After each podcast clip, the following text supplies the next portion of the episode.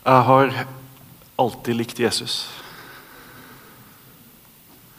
Husker når jeg var liten, så satte jeg meg før jul med julekrybben og så på det lille Jesusbarnet. og Syntes det var veldig fint. Alltid syntes at Jesus var en veldig fin fyr. Til og med når jeg var ungdom og egentlig ikke likte kirka eller egentlig ikke likte kristne, så syntes jeg Jesus var veldig fin. Likte Jesus.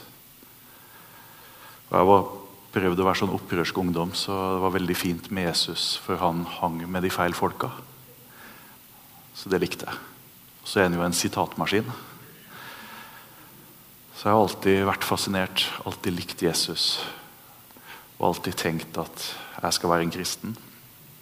Og Så begynte jeg på bibelskole i vegg i vegg her. Og Så var vi en dag på Grønland i Oslo her og besøkte en prest. Og Han fortalte litt om utfordringene med å være prest i Oslo, utfordringen med å være prest på Grønland. Det var ikke sånn veldig spesielt med det, men jeg tror det var første gang i livet jeg forsto at Jesus ville meg noe. Jeg hadde vel egentlig tenkt at jeg tok et år på bibelskole og så var jeg liksom ferdig med Jesus. Altså Ikke sånn ferdig at jeg ikke skulle tro mer, men da hadde jeg gjort mitt. Da hadde jeg liksom gitt ett år. Jesus, det fikk holde, tenkte jeg. Og Så forsto jeg den dagen at Jesus ville meg noe. At jeg ikke ble ferdig med han, men at han ønska å påvirke hvordan jeg levde livet. At han ønska å gi meg en retning for hvordan jeg skulle leve, og hvordan livet mitt skulle se ut. Vi er nettopp ferdig med åpenbaringstid, som vi kaller det i kirkeåret. Der vi prøver å male et bilde av Jesus i løpet av de søndagene i åpenbaringstiden. Og så tenker vi at et møte med Jesus det gjør noe med oss. Og så går vi inn i fastetida. Og da begynner vi å se litt mer på kostnader. Da. Vi må følge Jesus. Vi ser på Jesus, hvor Jesus måtte gå, hva han måtte lide.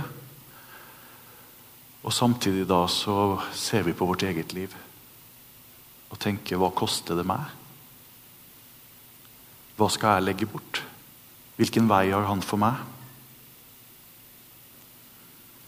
Så kan vi ta med oss bønnen for fastetiden og be ransake mitt hjerte, Gud, og se om jeg er på den rette vei.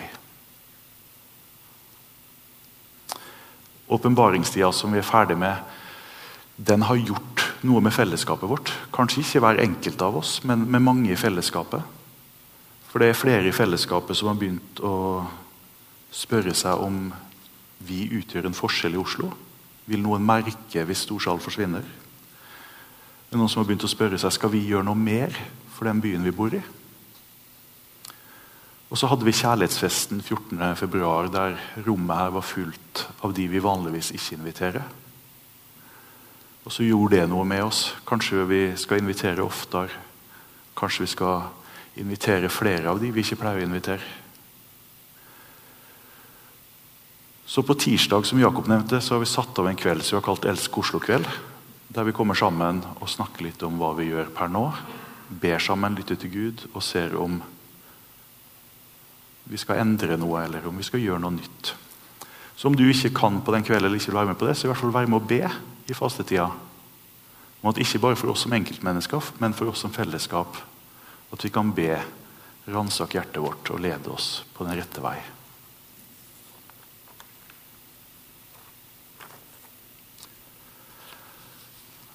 Da jeg begynte i Storsalien i 2020, så lærte jeg et nytt ord.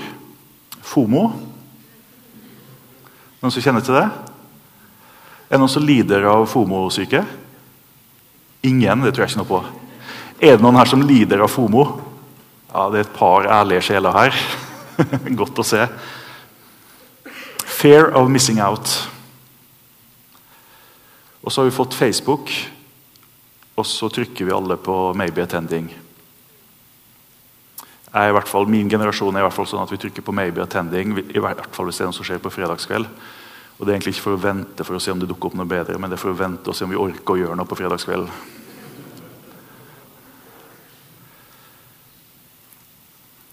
Hver dag sier forskerne, så tar du 35 000 valg. Det er ganske mye.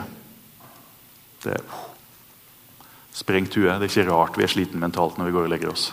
35 000 valg. Og Hvis du leser én avis én dag i løpet av livet ditt, så har du innhenta mer informasjon enn en gjennomsnittlig person gjorde på 1700-tallet. Altså, Vi lever i et samfunn i en tid der utrolig mye rundt oss Si du kan gjøre alt. Du kan få med deg alt. Du kan vite alt. Og det er til og med mange som sier at du kan gjøre alt du vil, hvis du vil det nok.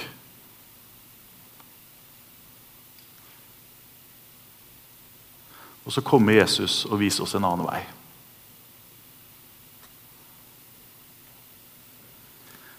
Og Det er kanskje den upopulære delen av troa vår. Det at vi underkaster oss en annen sin vilje. Vi begynner å spørre hvor vil du at jeg skal gå? Hvilken vei har du for meg?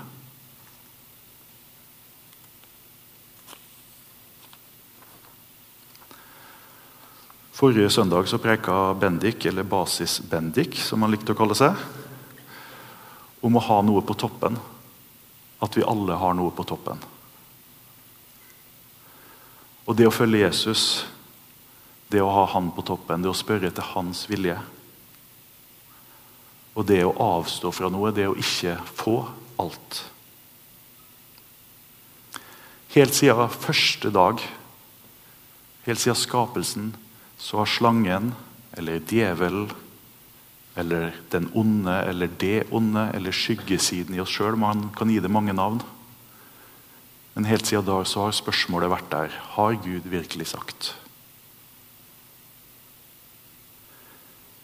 Har Gud virkelig sagt at du må nekte deg noe?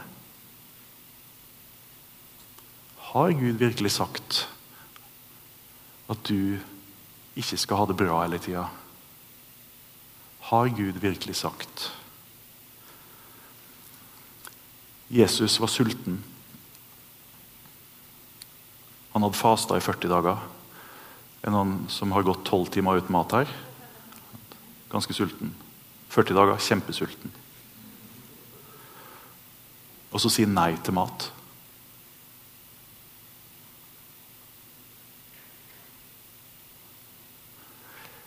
Det er akkurat som om det finnes noe som er større.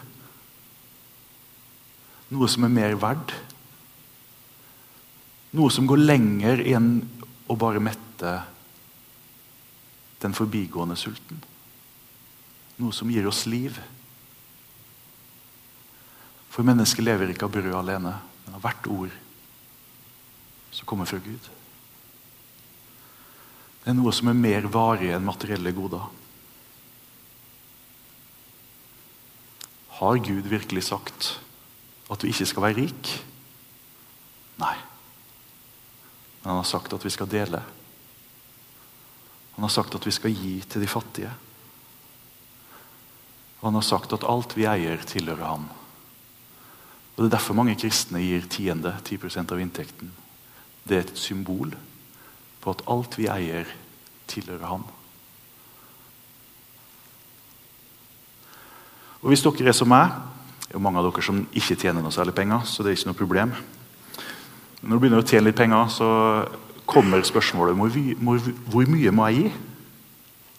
At Hvor mye kan jeg beholde sjøl?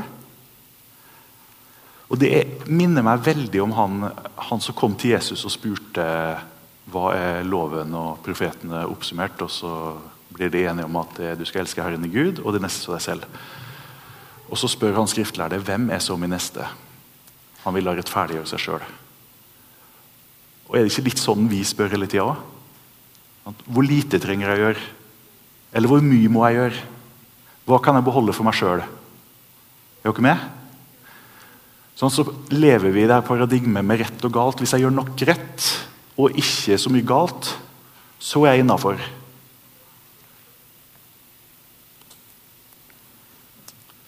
Men alt vi eier, tilhører ham. Og han inviterer oss ikke inn i et liv der det handler om rett og galt. Det handler om det også. dere forstår hva jeg mener. Men han inviterer oss inn til et nytt liv. Med en ny retning. Med en ny rygg å følge. Jesus skulle bli folketaler.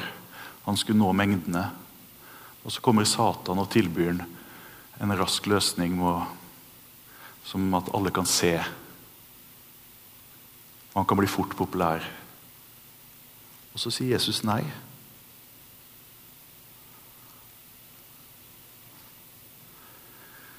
Hvor langt går vi for å bli likt? Hvor langt er vi villige til å strekke oss? Hvor mange kompromiss er vi villige til å inngå for å bli godt likt?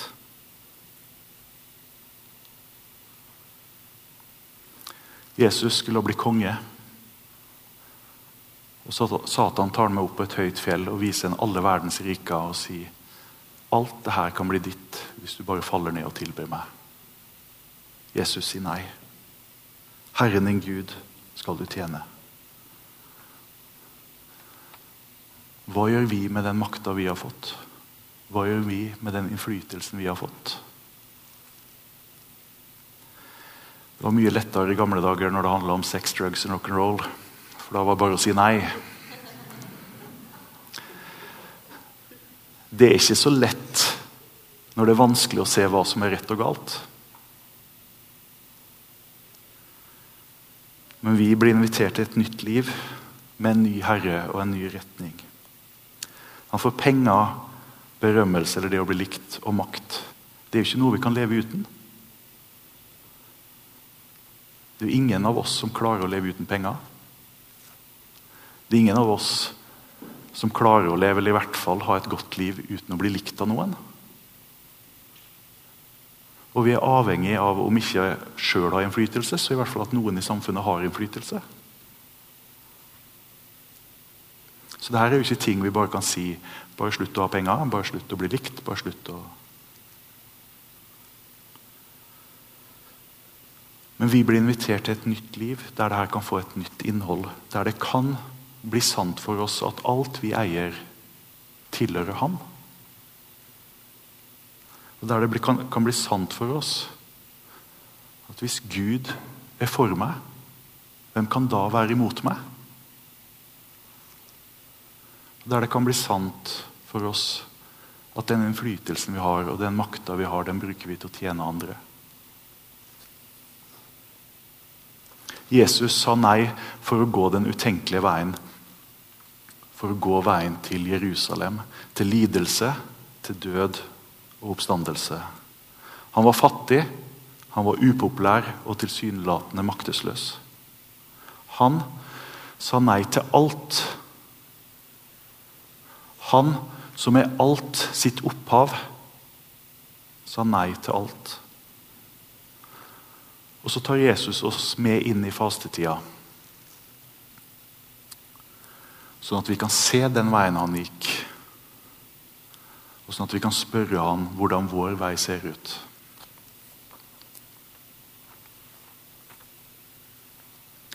Rett før teksten vi leste, så blir Jesus døpt. Han går ned i Jordan. Johannes døper Himmelen åpner seg, og Guds stemme kommer. Du er min sønn, den elskede. I deg har jeg min glede. Du er min sønn. Og Rett etterpå så kommer Satan og sier, 'Er du Guds sønn, så.' Rett etter løftene kommer fristelsen. Der kommer fristeren og prøver å ta bort løftet. Og jeg har det i hvert fall veldig ofte sånn at når noe går gærent, så tenker jeg Gud er ikke glad i meg lenger. Og jeg tror dypest sett på karma. At er får som jeg fortjener. Og jeg tror det er fordi at fristeren prøver å ta fra oss de løftene Gud har gitt oss. Du er mitt barn, sier Gud.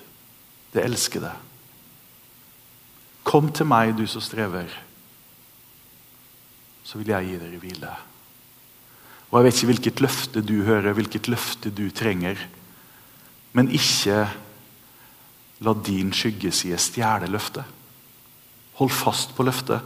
Og Dette er ikke noe vi skal ta lett på. For det er ikke sånn at Hvis vi holder fast på løftene, så kommer alt til å bli bra. Alle vi i det rommet her kommer til å oppleve enten fattigdom, sykdom, ensomhet, psykisk lidelse eller forskjellige ting. Vi kommer til å ha det vondt. Men det er da vi må holde fast.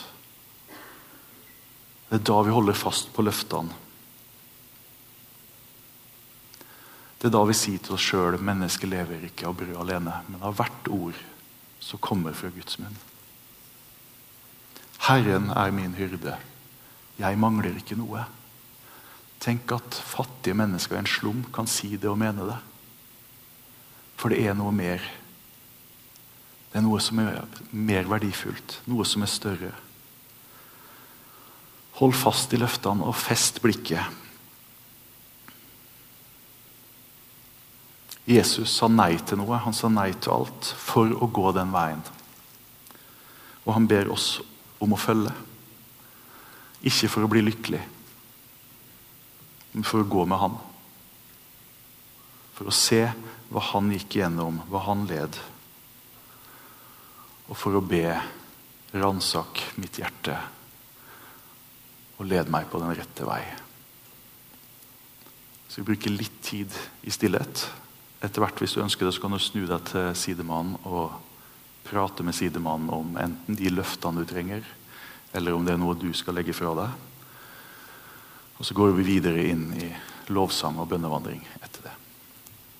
La oss be.